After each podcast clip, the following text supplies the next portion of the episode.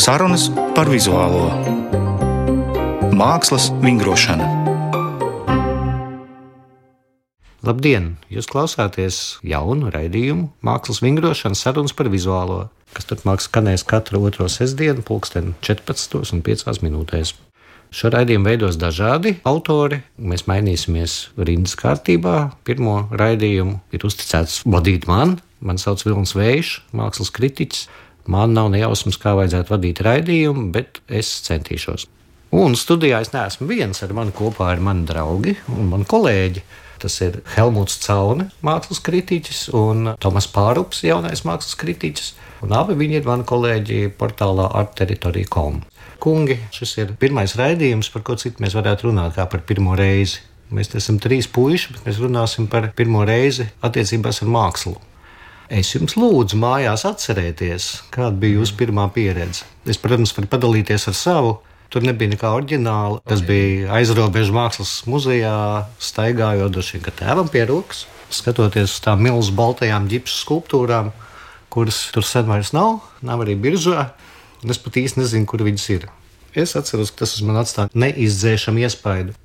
Klusā daba ar vāzi un ziediem stāv lielā daļā Latvijas maisaimniecību istabās, virs kamīna, pie televizora, viesistabā, guļamistabā. Man vecāka viesistabā bija trīs klēsnes ar parakstu Jekalējs 1950. Nezinu, kas tas ir. Kas tur bija? Klusās dabas, bija ja? trīs vāzes ar Ok. ziediem dažādas, kuru ēnas man, es atceros, likās ļoti nepareizas. un Es ilgi mēģināju saprast, kā tā var mest ēnu. Vecā guļamistabā bija krietni lielāka, liela formāta glezna ar krāšņiem viltiem ziediem. Savukārt manējā, nes kāpēc bija pielikta tāda um, diezgan ķēpīga ziemas ainava, kuras gadiem ilgi nevarēja saprast, vai tas tur pa vidu ir upe vai aiza. Tā noteikti ir pirmā pieredze ar mākslu, bet par laikmatīgo jau ir cits stāsts. Klausītāji mūs neredz, tāpēc es paskaidrošu, ka abi mani sarunbiedri ir krietni jaunāki par mani. Helmuts ir eh, mākslas žurnālists un Tomas ir jaunais mākslas kritiķis. Tieši tas man interesēja. Cilvēki baidās no laikmetīgās mākslas. Cilvēki reizēm baidās no mākslas vispār, pat no tādas, kas nav laikmetīga. Uh -huh. Bet ir teiksim, 20. gadsimta māksla, un nu, komentāri par to, ka Rotko nav saprotams, jau ir klasika. Bet te lūk, sēž man priekšā divi puiši, kuri kaut kādā dīvainā veidā ir ieinteresējušies. Es nesaprotu pats, kādā veidā es ieinteresējos mākslā, un kur nu vēl laikmatīgajā mākslā es kaut kādā dabiskā veidā ieinteresējos bērnībā par kino un sāku rakstīt par to savai patikai, sev vienkārši. Tomas, kur tu tajā kino skatījies? YouTube? Nu, man paudze, es domāju, ātri, liela daļa vismaz ātri apguva torrentus, kā novilkt torrentus, un tad jau aizpildīja datora atmiņu ar dažādiem mm. failiem, kino filmām. Bet Helmuts minēja, ka viņa vecāku viesistabā pie sienas bija pieliktas klusās dabas. Manu vecāku viesistabā bija pielikti, es ļoti labi to atceros, Edvarda Grūbes gleznas vairākas. Un es atminos sevi bērnībā, nesaprastams, kāpēc viņi vispār kaut ko tādu liek pie sienas. Tu minēji Rotko. Kā tu teici, ka tas, ka Rotko ir nesaprotams, tas jau ir klišejiski teikts. Tā ir tāda pati klasika kā Rotko. Un man interese par mākslu parādījās tad, kad mana māte mani iepazīstināja ar šo mākslinieku, kurš darbi karājās pie sienas un sarunā ar viņu. Tikai tad es kaut kā sāku aptvert to, kas tas ir, ko viņš dara. Un mana izteikšanās par mākslu, manuprāt, ja es tagad pareizi atceros, sākās ar to, ka es intervēju māksliniekus. un Man šķiet, caur šīm sarunām ar māksliniekiem es sāku par mākslu patiesi interesēties. Precizēsim, tu intervēji kādam skolas darbam, manuprāt. Skolas darbam un kaut kādā neviļas tas kaut kur tika nopublicēts. Bet uh, mans nākamais jautājums ir, ir par to, ka man šķiet, ka nav nepieciešams zināt klasisko mākslu, lai aizrautos ar laikmetīgo mākslu. Vai jūsu pieredze kaut ko tādu liecina? Nu, man liekas, ka daudz cilvēku aizraujās ar laikmatīgo mākslu, sevišķi jauni cilvēki. Viņiem patīk atrasties tajā sabiedrībā, kas ir ap laikmatīgo mākslu. Un atrodoties šajā sabiedrībā, pat nepievēršot tik daudz uzmanību tai laikmatīgajai mākslai, viņi apgalvo, ka viņi interesējās par laikmatīgo mākslu. Bet interesēšanās par laikmatīgo mākslu, man liekas, ir pavisam kaut kas cits. Nezinu. Nē, esmu drošs, man liekas, tas ir cieši saistīts. Helmut, tev. Es neesmu drošs, ka es varu piekrist. Man nav argumenti, lai atspēkot vienkārši neatbilst manai pieredzēji. Jo es vispirms neapšaubām esmu priecājies un iepazinis mākslu caur klasisko glezniecību. Nu, kaut vai tāpēc, ka liela daļa laikmatīgās mākslas ir iepriekšējās mākslas vēstures rezultāts un bieži vien atsaucas uz to, ir grūti iedomāties, kā varētu tā to tiešām pilnvērtīgi uztvert bez kaut kādām primitīvām zināšanām par eh, to, kas ir bijis pirms tam. Manas sarunas ar cilvēkiem, un mana pieredze liecina par to, ka cilvēki, kas ir ļoti labi izglītoti klasiskajā mākslā, ka viņiem tas traucē mm -hmm. saskatīt to, kas ir jauns, novērtēt. Viņi saka, jā, nu, bet tas jau nav tas tā kā kādreiz. Turklāt laikmatīgo mākslu, jebkura avangarda virziena patiesībā vienmēr ir aizsākuši jauni cilvēki. Nu, man personīgi nekādu sevišķu priekšzināšanu klasiskajās mākslās nebija. Mana interese par mākslu, vairāk vai mazāk laikmatīgo mākslu, izrietēja no kaut kādas tādas sajūsmas, kas nav balstīta manās priekšzināšanās, manā interesē. Viņiem, kā viņi radās, es pat nezinu. Tas tā kā, ja jautā kādam, kā viņš kļuva par mākslinieku, vienkārši man tāda sajūta, ka nezinu, nebija citu variantu nu, ārkārtīgi smags jautājums vispār, kā es sāku interesēties. Vai tas nešķiet, Helmut? Man diezgan vienkārši. Un tā sanāca, ka pirms diviem gadiem man uzrādījās iespēja sākt strādāt ar teritoriju par mākslas žurnālistu, un es nolēmu, ka tas varētu būt interesanti. Un es pieņēmu šo iespēju. Es iestarpināšu, ka tu esi filozofs pēc izglītības. Jā. Vai tā tu sāki interesēties par laikmatīgo mākslu? Es katrā ziņā pirms tam to nedarīju mērķiecīgi un pastāvīgi. Šaubām kaut kādas rudimentāras priekšzināšanas bija. Brīvā laikā labprāt gāju uz Rīgā uz izstādēm bet tāda intensīva un patstāvīga saskara man sākās jā, līdz ar šo. Klau, bet es tikpat kā nedzirdu neko no jums par to, ka kāds būtu mācījis, ka būtu bijušas izglītības programmas. Gribēju, izglītības programmas, manuprāt, vispār neko nedod. Ja runa ir par to, kā ieinteresēt bērnus laikmatīgajā mākslā, manuprāt, izglītības programmas vispār ir, ja vecāki sūta savus bērnus kaut kādām radošām darbnīcām vai iesaist viņus izglītības programmās, lai izglītotu viņus laikmatīgajā mākslā, tas vairāk ir saistīts ar viņu kaut kādu pašapliecinājumu apzināšanos kā vecākiem, ka viņi savus bērnus izglīto. Es līdz šim brīdim neesmu sapratis, ko tie bērni tur iemācās, vai kā tur tā interese rodas. Kādu tu cēsīs gāji uz kādiem pulciņiem vai uz lekcijām? Tu tomēr esi mazliet vecāks, varbūt tavā laikā tāda nebija. Nē, nē, bija. Nu, Cēsīs taču jau izcenis ir mākslas skola. Bet pats es nekad negāju. Es vispār agrā bērnībā man tika saprasts, ka vizuālā māksla praktizēšanas veidā galīgi nav tas, kur es varētu būt talantīgs, un uz to man vispār nav jāskatās. Tāpēc nē, es pats neko tādu nekad neesmu darījis. Es gāju uz keramikas pulciņu, bet nevienā brīdī man tas nesaistījās ar mākslu vai mākslas radīšanu. Bet es tagad tikai tā domāju, es atceros, ka es rakstīju par to kino tāpat sev. Un e, kaut kad es pētīju kaut kādas mākslas grāmatas, kas bija vecākiem plauktā, un tad es vienkārši tā nodomāju, varētu kaut ko uzrakstīt par šito. Lūk, kur bija impulss. Pie tam arī vecāki man nelabprāt deva kabatas naudu.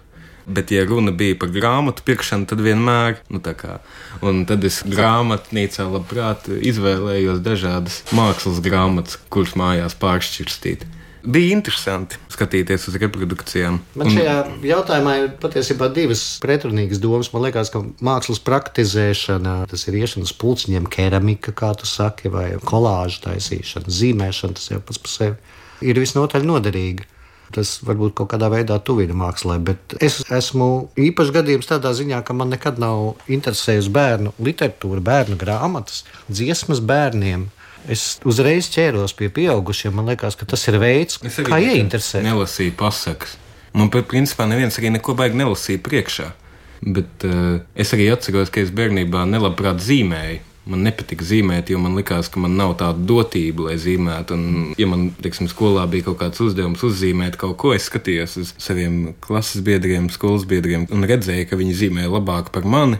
Un līdz ar to es domāju, priekš, kam Jā, to vispār tā ir darīt. trauma. Ja zīmē un nesanāk tā, kā iedomājies, tā ir trauma, Jā, tad, kas atbaida. Bet tā trauma saglabājās ļoti ilgi, tāpēc, ka paiet ilgi gadi, kamēr var uzzīmēt kaut ko apmēram tā, kā būtu vēlējies. Un tad es sācu pa mākslu rakstīt, lai izvairītos no tās radīšanas. Varbūt es nezinu.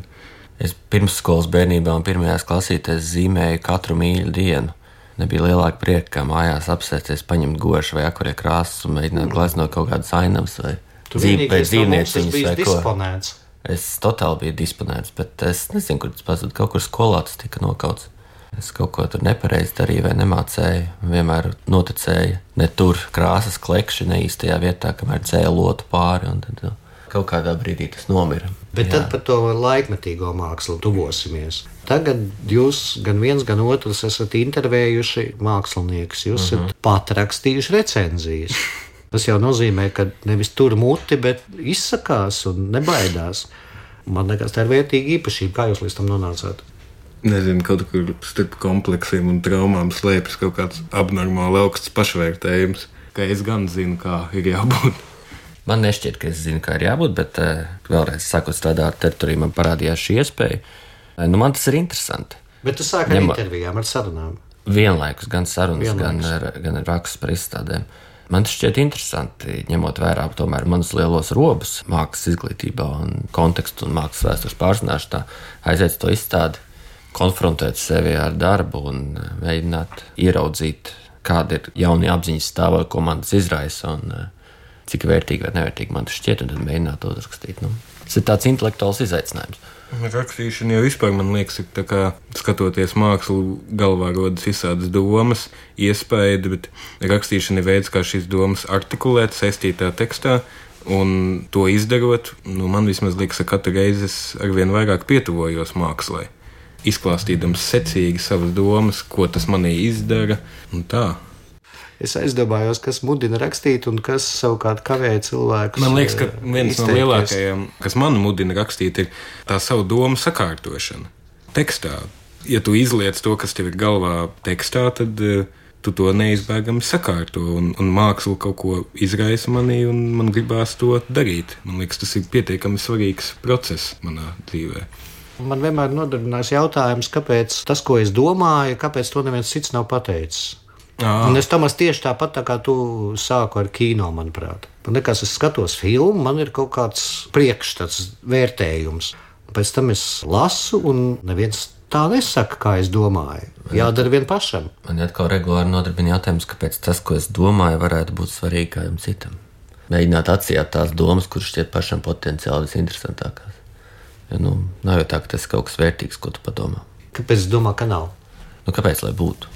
Tikai tāpēc, ka to neviens cits nav pateicis. Mm, jā, kaut vai. Bet tas jau nozīmē, ka arī triviāls domas var būt oriģināls. Tieši tādā gadījumā, jo tas nozīmē, ka mākslas tev iedarbojas kaut kā īpaši. Ja... Tagad, ko tu teici par triviālām domām? Triviāls domas arī var būt oriģināls, bet tas neatceļ viņu trivialitāti. Tu vari iedomāties kaut kādu muļķīgu domu par kaut kādu mākslas darbu un būt vienīgais, kurš to iedomājas, bet tā tik un tā būs muļķīga. Jā, bet to mēs Helma nekad nevaram zināt. To tikai tad, kad uzrakst uz papīra un viss pasaka, ka tas ir pilnīgs stulbums. Tad mēs dabūjām šo atsauksmi. Un tur man liekas, ir kaut kāda asuma sajūta, ja tu vispār vari muti vaļā un kaut ko runā. Līdz tam tu vari izlikties, ka tu visu zini, visu jā, saproti. Jā. Tev tas nav jāpaskaidro. Tu atkailini sevi. Nu, arī no redaktora saņemt atsauksmi, ka nekam nedara, nav patīkami. Nē, tieši no redaktora viss nepatīkamāk. Labi, bet jūs esat dzirdējuši no lasītājiem? Dažādas atsauksmes. Jā, Jā es esmu gan. Patiesībā, diemžēl, pārāk maz. Nu, bet satiekoties ar draugiem. Man ļoti maz kāds mēdz atsaukties. Es atsaucos uz taviem rakstiem dažkārt. Tikai tad, kad tev patīk. Nu, jā. Tad, kad tev nepatīk, tu neko nesaki. Un tā arī, man liekas, problēma, ka viss ir pārāk pieklājīgi. Kad kādam kaut kas patīk, tad ir kaut kāda uzslava. Reizēm, kad kāds vēlas norādīt, tā teikt, intellectual curiosity, jā, bet zinies, tu tur to nebija pamanījis, un tas ir interesanti. Tā, bet tā, ka man kāds būtu pienācis klāt un pateicis, nu, Helmut, šitais gan bija garām. Jā, redakcijas iekšienē. Redakcijas iekšienē ir, bet. À, nu, bet tādēļ, ka ir jau cita politika, klusēšana. Nu, jā, ir, ir cilvēki, kas pēkšņi ar tevi nerunā, ir cilvēki, kuri neatņem sveicienus. Man tā ir gadījies, ka neatņem sveicienus. Izdzēš no draugiem Facebook. Tā man arī gadījies. Labi, Tomas, tavi piedzīvojumi. Man ir bijis gan tā, ka neatņem sveicienu un nerunā kādu laiku.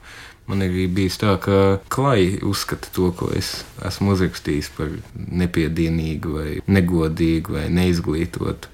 Un tā nav koķetērija. Es nekoķetēju, sakot, ka man šīs reakcijas sagādā patiesu prieku nu, vai kaut kādu adrenalīnu. Respektīvi, tāds rezultāts ir labs rezultāts. Ja?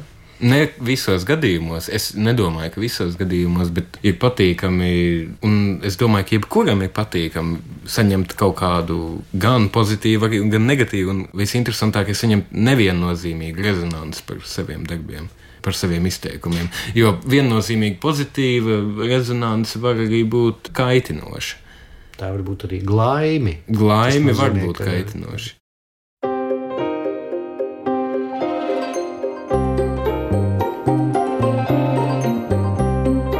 Mākslas vingrošana.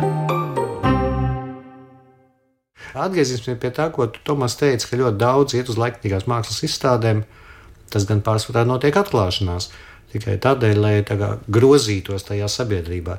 Protams. Bet arī mūsu, jūsu darbs jau ir uh, saistīts ar šo te grozīšanos. Kaut vai tādā veidā, ka jūs sarunājaties ar māksliniekiem. Citreiz jūs rakstat recenzijas par viņu izstādēm. Tas ir- Cik tā sarunāšanās palīdz? ir attaisnojums. Tā ir daļa no darba.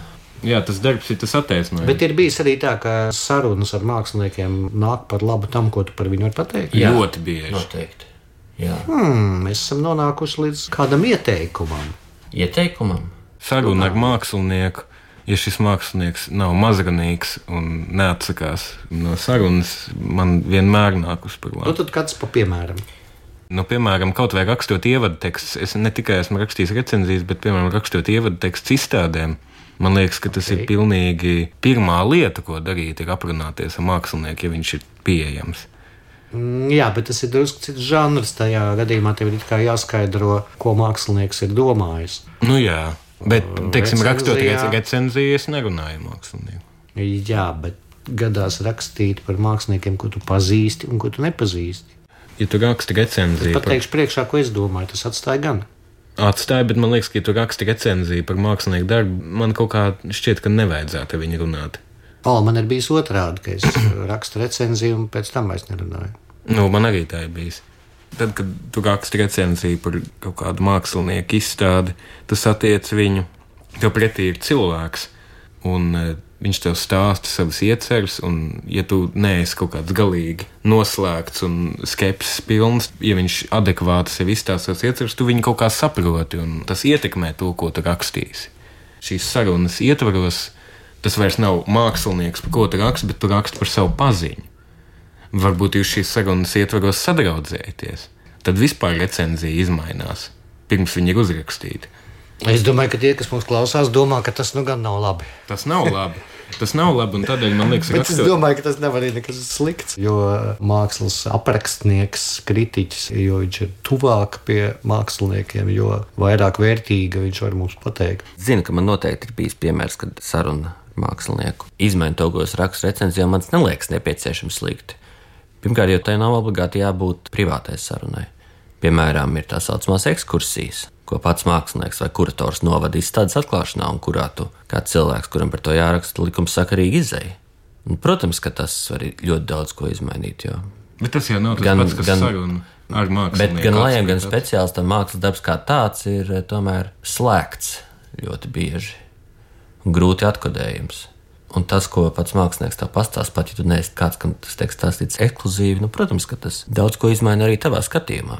Jo ir atšķirība, jo tas, ko mākslinieks stāsta ekskursijā, ir tikpat labi tas, kas ir rakstīts izstādes anotācijā. Tas jau ir publiski pieejams. Bet es gribēju teikt, ka tas arī ir. uh, Mēs taču arī mēģinot saprast, kādu mākslinieku mēs lasām viņa intervijas. Priekš tā mēs arī rakstam, lai kāds lasītu.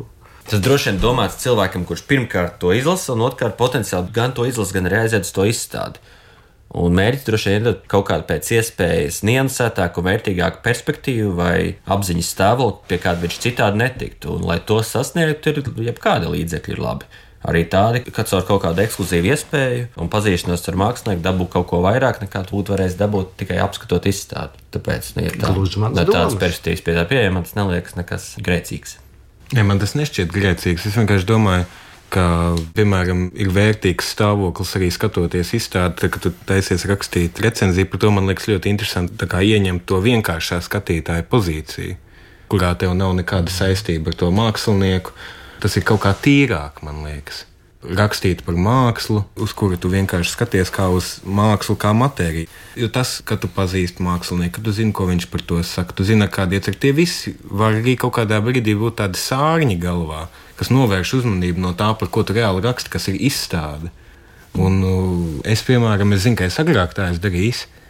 Es labprāt rakstu recenzijas par savu paziņu un draugu izstādēm, bet Jā. tagad ar vien mazāk. Man negribās tā darīt. Man liekas, ka tas nav īsti godīgi. Jo tas nav arī man godīgi pret sevi. Sarunas par vizuālo mākslas vingrošanu. Katru otro sestdienu, 14.5. Atkāpjoties uz to, kā, kā mēs varam skatīties uz mākslu, kā mēs varam nebaidīties. Man nekad nav bijis baigi bail no mākslas. Kā mēs varam nebaidīties domāt? Man liekas, ka visi tā savas domas, bailes no mākslas jau neizriet no pašas mākslas. Viņi izriet no tā institucionālā blā, blā, ka sabiedrība ir jāizglīto, domāju, ka, ka māksla ir tāda nesaprotama. Es domāju, ka no neziņas, ko teikt. Patiesībā. Neziņas, ko teikt, kam. Tās bailes no mākslas izriet no tā, ka cilvēki apskatās un viņi nespēja noformulēt kaut kādu viedokli. Pat ne par rakstiski es neteiktu, bet viņi nav droši par to, ko viņi domā. Jā, tāpat kā tu izjāji no kino un tev rievis, ka tev prasa, nu kā tev patika. Es droši vien esmu spējīgs formulēt kaut vai priekš sevis. No otras puses, tā taču ir brīnišķīga sarunas tēma. Par ko tad vēl runāt, ja ne par to, ko katrs ir redzējis, kā patika. Man šķiet, tas vismaz daļai arī saistās ar kaut kādu klasismu un aizdomām par snobismu, kas nāk līdzi lemtīgiem mākslinieks. Bet to jau ir tās institucionālais fons radījis to snobismu. Es atceros, es nāku no cēsīm, ja kā jau mēs noskaidrojām, es atceros, ka vismaz pirmajos gados, kad parādījās cēlus mākslas festivāls, tā reakcija vietējā cēlus sabiedrībā bija diezgan jūtami, labākajā gadījumā skeptiska, sliktākajā pat tāda noraidoša. Un tas neparādījās tikai virtuves sarunās, tas pat brīžiem parādījās vietējā presē. Nu, cilvēki bija aizkaitināti. Nu, tie Rīgas švītīņi sabrauc un staigā pa mūsu ielām, un sēž mūsu kafejnīcās, un izliek mūsu kultūras namā, mūsu izstāžu namā un mūsu alus brūzī savas dīvainās instalācijas, kas vispār ir kaut kādi ķēmi, kur neko nevar saprast, un tad izliekas, ka tur ir kaut kāda baigā jēga. Nu, bija, šitāds sentiments bija. Tagad varbūt tas ir mazinājies. Ja? Ceļš pašs ir mainījušies. Bet tā ir tik nenormāla gara saruna, vai tas ir tāpēc, ka tā vide, kas ir māksla, ir kaut kāda slēgta. Nepieejama, bet tas izriet no tā. Es tieši par to iedomājos. Man tādas sajūtas, tā kā aprakstīja Helmuts, bija tad, kad tika izziņot pirmā Rīgas bienāla. es domāju, kas vēl nebūs sabrauks Salikts, Rīga kļuva par cēsīm. Mūsu jaukajās izstāžu vietiņās, te, nezinu ko. Nē, bet es ļoti labi. Es zinu, ka tāda bija daudziem, bet es, bija. es gribu uzreiz teikt, ka man tā sajūta pārgāja tad, kad, nu, ok, es viņu apspiedu apzināti. Bet, protams, ka viņi pārgāja tad, kad uh, es ieraudzīju tās izstādes, apskatīju. Un... Nē, bet es sevi varu mierīgi iztēloties, teiksim, cēsu vai jebkuras citas. Mēs esam globāli, ne tikai cēsis, globāli mēs esam daudz tālāk no Jā, kaut kurienes. Es varu iztēloties sev mierīgi, kad cēsu iedzīvotāji kā, parādītos kaut kāds tāds mākslas festivāls. Es domāju, ka man nepatiktu, principā. Jā, jā. kā, nu... Droši vien kāds klausās no cēsiem. Es domāju, ka viņi ir iemīlējuši šo festivālu. Tas man tāds sajūta. Es arī tā domāju. Bet tā vēl jau tās bailes saistās arī ar tādiem diezgan vispār zināmiem aizspriedumiem par mākslas uzdevumu vai statusu. Cilvēki joprojām iet skatīties mākslu ar pat tādu nepārāk apzinātu vai pārdomātu priekšstatu, ka mākslā ir jābūt smukai. Mākslā tev jāiepriecē, viņai jābūt patīkamai. Es jau arī tā domāju. Vai ļaunākajā gadījumā viņai ir precīzi kaut kas jāatdarina jāimitē. Nu, bet nu, visas šie priekšraksti tomēr vismaz jau pārsimtus gadus viņi nav atmesti. Viņi, vairs, bet, bet atcelt, bet viņi vairs nav vienīgais. Dažādi varianti. Es nezinu, vai tas būtu pārgalvīgi teikt, ka tik daudz mākslas, cik tiek radītas šobrīd, šodien, nevienā iepriekšējā laikmetā nav radītas. Protams. Un e, ņemot vērā to, cik daudz ir radīts, es domāju, ka ir pilnīgi adekvāti domāt, ka ļoti liela daļa no šī visa ir galīgi garām. Jā. Manuprāt, tas ir adekvāts priekšstats. Nē, to es neapšaubu. Un līdz ar to, manuprāt, skepse pret laikmatīgo mākslu ir pavisam pamatota. Man arī ir skepse pret lielu daļu laikmatīgās mākslas, pat zinot aptuveni, kas tas ir, kā tas notiek un kurš to rada un ar kādu intenci, man tāpat ir zināms riebums pret lielu daļu no tā visa. Labā ziņa ir tā, ka šī skepse un riebums mēdz arī pāriet. Viņi mēdz arī pāriet, bet man liekas, ka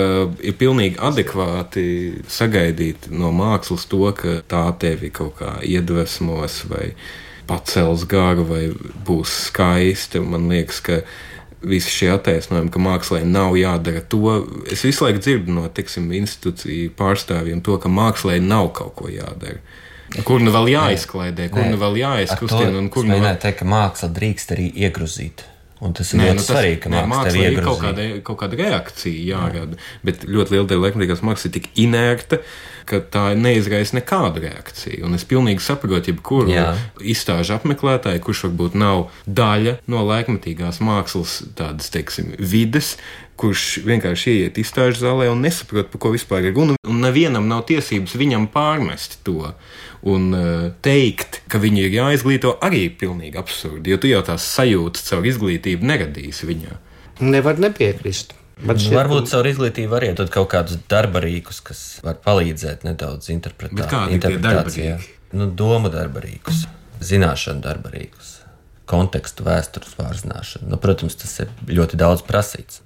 Daudz ko no tā nezinu pat LMA mākslas zinātnes absolventi, bet es vienkārši mēģināju pateikt, ka nevar arī gluži teikt, ka caur izglītību vai caur izglītošanu nevar neko panākt. Protams, tas uzreiz prasa identificēt, kas ir izglītotāji un kas ir izglītojamie. Man šis vārds izglītība attiecībā pret laikmatīgo mākslu vai mākslu vispār liekas nonivelē to skatīšanās prieku, kuram man liekas jābūt klātesošam. Tad, kad tiešām es dzirdu kaut ko par sabiedrības izglītošanu, man liekas, ka tas ir kaut kas nu, tāds - tikklāt... liktas konotācijas. Nu, tam ir tiešām tāda, protams, ideoloģiska pieskaņa. Mums ir jāpievērš zināmam rezumējumam. Es varētu ieteikt visiem mēģināt piekopt to, kas filozofijā ir pazīstams kā labvēlības princips.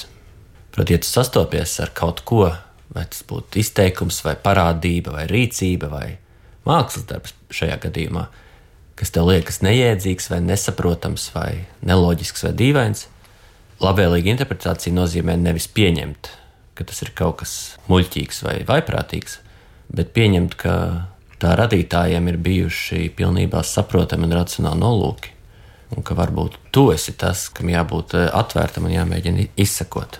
Es ieteiktu šādā situācijā, saskaroties ar matēriju, kur izraisa tādas sajūtas, censties vienkārši tā kā paskaidrot, kas tur ir tik slikti. Tas ir, man liekas, pirmais solis sev saskarsmē ar laikmatīgo mākslu, kas kaut kā Jā, labi, kaut satams, kā, nu, kas tieši tur ir tik kaitīgs. Kas, kas tieši vai... tur ir tik slikti un kā paskaidrot sev un varbūt, nezinu, citiem. Un tad jau nav nekādu iebildumu pret skepsi, ja tas tiek paskaidrots. Nu, re, mums ir divi atšķirīgi ieteikumi. Mums ir ieteikums turpināt klausīties raidījumu mākslas vingrošanu Jūs dabūsiet dzirdēt ne to vienu, mīļie klausītāji. Ļoti daudz interesantu pārdomu. Turpmākos raidījumus vadīs Līna Birzeka Priekula un Kaspars Vanaks. Nākamais raidījums, ko vadīs Laimas Slava, ēterā būs 7. decembrī. Raidījums tapis ar valsts kultūra kapitāla fonda atbalstu.